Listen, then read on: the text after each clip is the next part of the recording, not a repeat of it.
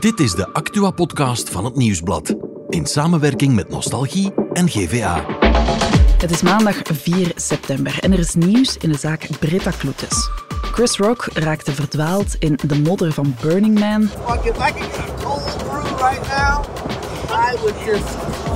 En er is een nieuw Belgisch kampioen Belleman. Eerst nemen we je mee naar de prostitutiebuurt in Antwerpen, beter bekend als het Schipperskwartier. Dat zou een van de veiligste prostitutiebuurten ter wereld zijn, maar is dat ook zo? Mijn naam is Saar van Olme en dit is The Insider. Vandaag is onze insider Christophe Bohé, reporter bij het Nieuwsblad. Hij ging met zijn eigen ogen kijken hoe het eraan toe gaat in het grootste bordeel van België. Dag Christophe. Dag Saar. Ja, het Schipperskwartier dat is eigenlijk een wijk eh, dat enorm intrigeert. Ik woon er eh, om de hoek, maar om heel eerlijk te zijn, eh, buiten een paar bezoekjes aan Café d'Anvers, al is dat iets van vroegere tijden, kom ik daar eigenlijk nooit. Christophe, wat ben jij daar gaan doen? Ik ben er eigenlijk twee weken gaan rondlopen uit een fascinatie voor die sekswerkbuurt Mhm. ehm, en het kloppende hart Villa Tinto. Oké, wat is Villa Tinto? Ehm, dat is eigenlijk het, het centrale gebouw waar de stad Antwerpen en de eigenaars de prostitutiebuurt rond georganiseerd hebben. Mhm. Dus er zijn dus een paar straten rond dat gebouw. En ik ben er gaan spreken met eigenlijk ehm, zoveel mogelijk actoren in die sector. Ja, je zegt eh, uit fascinatie voor de buurt. Waren er nog andere redenen voor? Ik heb begrepen dat dat, eh, dat Schipperskwartier ook in de New York Times heeft gestaan. Klopt, ehm, dat is al een tijdje geleden. Een, een experte, eh, een seksperte zelfs, die het omschreef als een van de veiligste prostitutiebuurten ter wereld. Vooral dan voor de sekswerkers zelf. Daarover ging het toen. Maar ondertussen is Amsterdam ook eh, al komen kijken. In Antwerpen zijn ze in Oostende met een gelijkaardig project bezig. Dus het, het is echt wel een prostitutiebuurt die een voorbeeld stelt voor andere steden. Ja. Ja. We gaan het daar zo meteen nog over hebben. Maar misschien kunnen we eerst beginnen met de cijfers. Hoeveel mensen werken er eigenlijk in dat Schipperskwartier? Ehm, op dagbasis is dat tegenwoordig een paar honderd ongeveer. We hebben het over de sekswerkers ja, dan, hè? ja. we hebben het over sekswerkers. Op dagbasis werken er ongeveer een paar honderd eh, sekswerkers. Dat varieert natuurlijk. Maar bij de stad Antwerpen eh, zijn er ruim duizend namen bekend in de afgelopen jaren.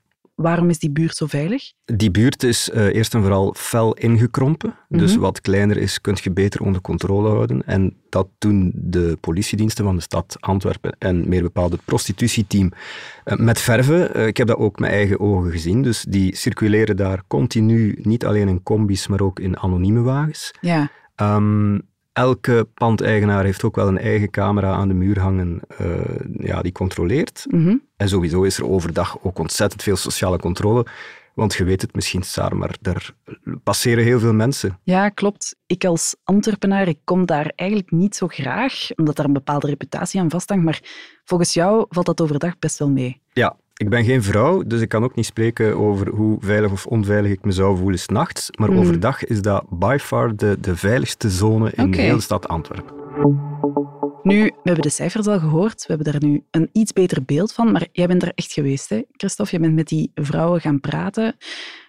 Zijn dat vrouwen van hier? Wie zijn die dames eigenlijk? En hoe oud zijn ze? Kan, kan je mij daar iets meer over vertellen? Ja, Antwerpen is altijd een, een, een wereldstad geweest natuurlijk, dat weet Ja. elke Antwerpenaar. Klopt. Ehm, met heel veel nationaliteiten, maar daar zit ook een, een flinke evolutie in. Vroeger had je veel meer Nederlandse, Duitse, eh, ook gewoon Belgische vrouwen die Mhm. er werkten.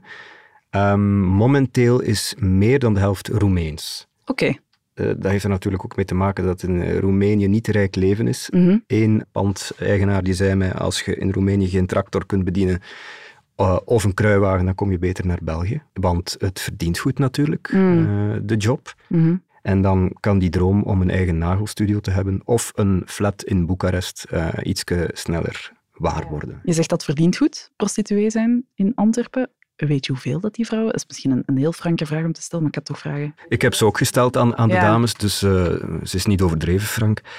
Um, Eén meisje zei op een keer um, in de lokale snackbar dat de dagopbrengst van 600 euro, dat was voor één shift, dus van s morgens 8 uur tot s avonds ongeveer 8 uur. Oh, 12 uur shiften wel. Uh, ja, maar dat, dat dat tegenviel voor haar. Oké. Dus dat geeft al een idee. Ah ja, oké.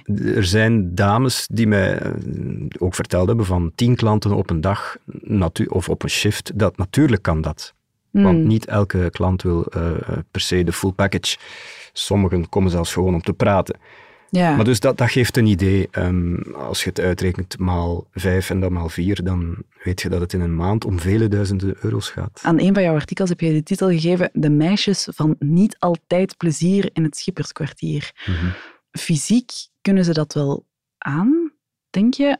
Maar hoe zit dat dan mentaal? Hoe is die sfeer bij die dames? Ik heb daar ook mij weer zo'n beeld van, van Mhm. een beetje groezelige sfeer en eh, vrouwen die daar eigenlijk een beetje tegen hun zin achter zo'n raam zitten. Hoe, hoe voelde jij dat aan? De grote plus is absoluut die veiligheid. Dus Mhm. dat is eigenlijk eh, een soort grote safe space voor die sekswerkers. Dus dat is een absoluut grote plus in vergelijking met andere steden. Als je aan Brussel-Noord passeert, Hmm. dat is een en al groezeligheid en, Mhm. en een gevaarlijke buurt. You don't want to go there.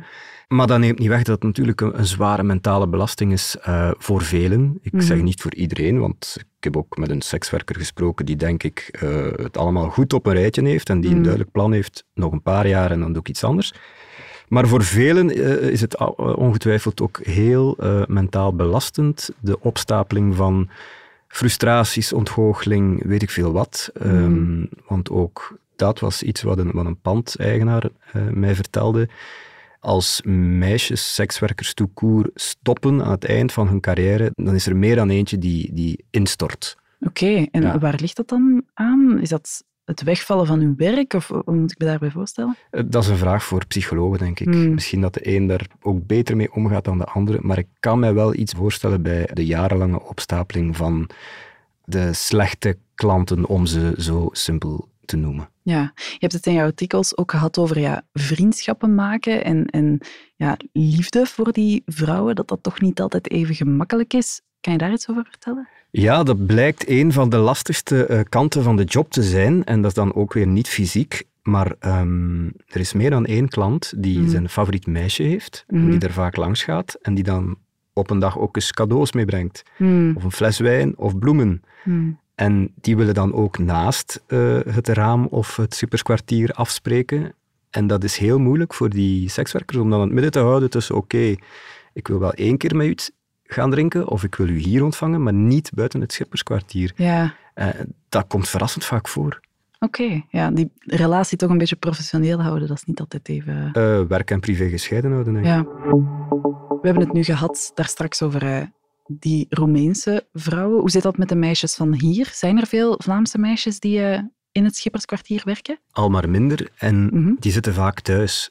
Oké. Niet met hun vingers te draaien, maar thuis klanten te ontvangen. Oké. Sinds corona hebben ook zij thuiswerk ontdekt. En Mhm. dat heeft als eh, aangenaam neveneffect dat ze niet hoeven te betalen voor een shift achter het raam. Oké. Dus dat zijn kosten die zij uitsparen. Mhm. Ehm, als je weet dat een raamshift à peu près 100 euro kost per Mhm. shift, dus dan dikt dat aan. En die, die ontvangen vaak thuis natuurlijk. Daar hebben ze niet die veiligheid die die, die Ja, prostitutiebuurt... eh, Waarom zou je dan als buitenlandse vrouw er eens een kamertje huren om het daar dan eh, te regelen? Heeft dat dan met die veiligheid te maken? Of, of... de- eh, er zijn ook buitenlandse vrouwen die dat doen. Ah, oké. Ja, Ja. absoluut. Maar als je wil absoluut veilig zijn en de noodknop ter beschikking hebben, dat, is, dat, is eigenlijk, dat ziet eruit als een lichtschakelaar, maar Mhm. die meisjes weten perfect, dit is de noodknop. Mhm, Dus als ze bij wijze van spreken op het, eh, het licht aansteken mhm. bij een vervelende klant, dan staat de politie daar binnen de twee minuten. Oké. Dat hebben thuiswerkers niet. We hebben het nu gehad over de meisjes en over de veiligheid van de buurt. Hebben die meisjes die buurt de voorbije jaren hard zien veranderen? Ja, daar spreekt toch meer dan, dan één iemand over. Eh, niet alleen eh, sekswerkers, maar ook uitbaters en omwonenden. Ehm, vroeger was er een soort van Russische, Georgische enclave die daar de plak zwaaide. Dat was niet altijd openlijk, maar eh, bon, als zaakvoerder bijvoorbeeld, dan bleef je toch beter te vriend met die pooiers.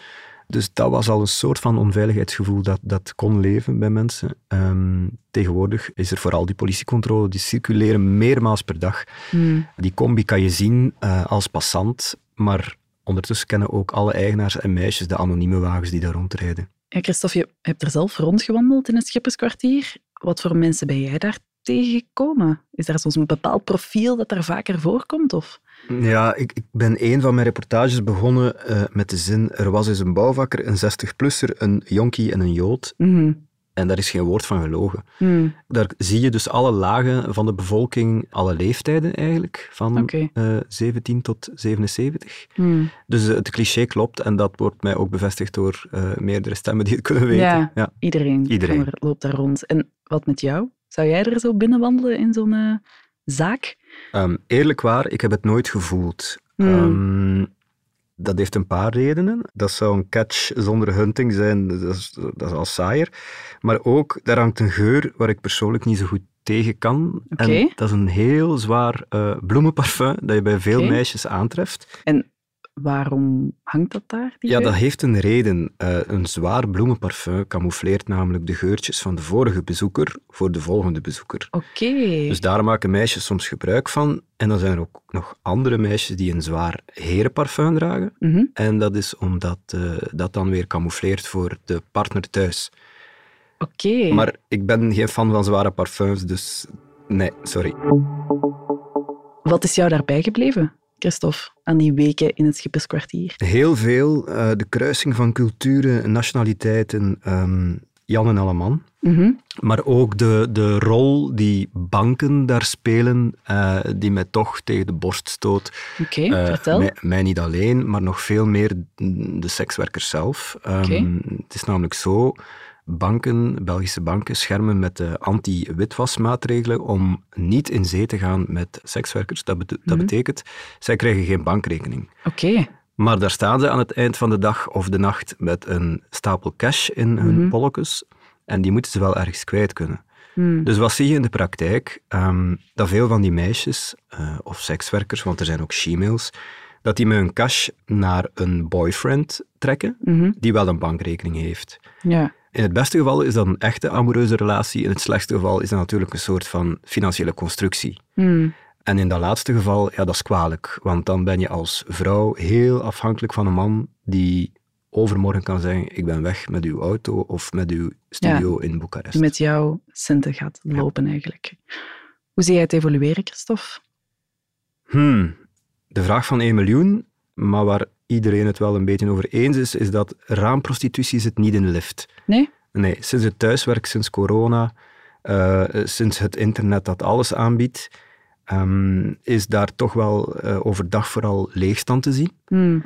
Maar anderzijds, eh, wat bijvoorbeeld de bouwvrouw van Villa Tinto mij ook zei, ehm, er zal altijd wel een, een bepaald publiek zijn. En dat geloof ik ook. Hmm. Want het grote voordeel is, in tegenstelling tot het internet, wat mensen soms misschien niet eh, vertrouwen, what you see is what you get. Als je daar loopt en voor een raam staat.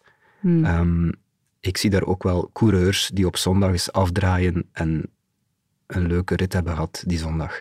Hmm. Dus dat soort publiek, dat zie ik wel overleven. En eh, ten bewijze daarvan, in Oostende zijn ze nu ook begonnen met de bouwwerken voor een soort Villa Tinto. Er zit dus nog eh, een klein beetje toekomst in. Dankjewel, Christophe, om hier eh, even langs te komen. Je kan de hele zomerreeks Het Heetste Kwartier vijf afleveringen lang lezen op de site en in de app van Nieuwsblad. Dankjewel, Christophe. Voor het andere nieuws is Nathalie erbij komen zitten. Hey, dag Sarah. Dag Nathalie. Ja, even uit de aandacht, maar er is nu een nieuwe wending in de zaak Britta Kloetes. Vertel. Ja, ehm, want de manier waarop ze is gestorven blijkt niet te kloppen. Oké, hoezo? Eh, De wetsdokter die haar stoffelijk overschot heeft onderzocht, dat in april dit jaar eindelijk werd gevonden, die vertelde bij VRT Nieuws dat ze niet met een slag op het hoofd is omgekomen, dat daar niets van terug te vinden is. Oké, en wat weten we dan wel? Ja, ze stapte dus in 2011 een garage binnen op zoek naar een offerte voor een nieuwe wagen. Ze is daarna eh, spoorloos verdwenen. Nu, de hele zaak, de dader, Tijl Tekmans, die was al lang veroordeeld tot een maximumstraf van 30 jaar. Maar die had toen gezegd dat ze was omgekomen door een slag van een kofferdeksel Mhm. van een auto op haar hoofd. En dat dat een ongeval was, maar blijkt dus helemaal niet te kloppen nu. En weten we dan wat er wel is gebeurd? Dat voorlopig nog niet. Oké. En als je trouwens meer over de zaak Brita Kloetes wil weten, de insider van 6 april van dit jaar had het er uitgebreid over. En dan gaan we over naar deze man. I would just. Je hoort hier Chris Rock, de Amerikaanse acteur en regisseur, Mhm. die samen met Amerikaans DJ Duplo en met nog duizenden anderen vastraakte in de modder op Burning Man. Ja, Burning Man, dat is dat festival in Nevada zeker. Mhm. hè? Dat eh, heeft niet zo goed in het nieuws gestaan. Een beetje door de slechte weersomstandigheden, Vooral begrepen. daardoor, helaas, al die mensen die door die modder aan het ploeteren waren en zijn nog altijd. Ja, en Chris Rock was ook al lang te voet onderweg tot hij door een fan met een pick-up truck werd herkend. Ah. Handig, goed nieuws voor hem, want er was nog plaats in de koffer van die truck. En het enige wat hij nog miste, dat hoorden we daarnet in het fragment, was een frisse pint. Ja, die heeft toch veel geluk gehad, hè? Amai. En dit is niet zomaar een bel. Nee, voor het regionieuws gaan we naar Torhout, waar het BK Belleman werd georganiseerd. BK Belleman, oké. Vertel, wat is dat nu weer? Op de trappen van het stadhuis van Torhout. Ja, het is, ik denk toch wel een beetje vooral folklore. Mhm. Vroeger ja, was dat eigenlijk jouw job een beetje. Hè? Mijn job, oké. Journalist. Ja, dat, dat, dat ze daar met een bel eh, het nieuws kwamen aankondigen. Juist, ja, ja, voor de mensen die nog niet konden lezen of toen er nog niet eh, een papieren krant was, zoiets. Exact. Mm. En Joris Schoens uit Veurne, dat is een heel straffe, want die wint voor de elfde keer dat BK Belleman. Wow, een heel goede Belleman dus. Ja, Aandacht! Als oudste stad van het graafschap Vlaanderen draagt Torhout een rijke geschiedenis met zich mee. ik kan heel goed bellen, maar ik kan ook heel goed praten. En dat was met opdrachten waarin je met zoveel woorden de boodschap moest brengen. Heel klaar en duidelijk gesproken. En af en toe smeet hij er toch wel een woordje West-Vlaams tussen. Daarvoor kan hij zeker op mijn sympathie rekenen. Oké, dankjewel Nathalie om dat eventjes te komen toelichten. Alsjeblieft. Dan zijn we er morgen weer met een nieuwe Insider.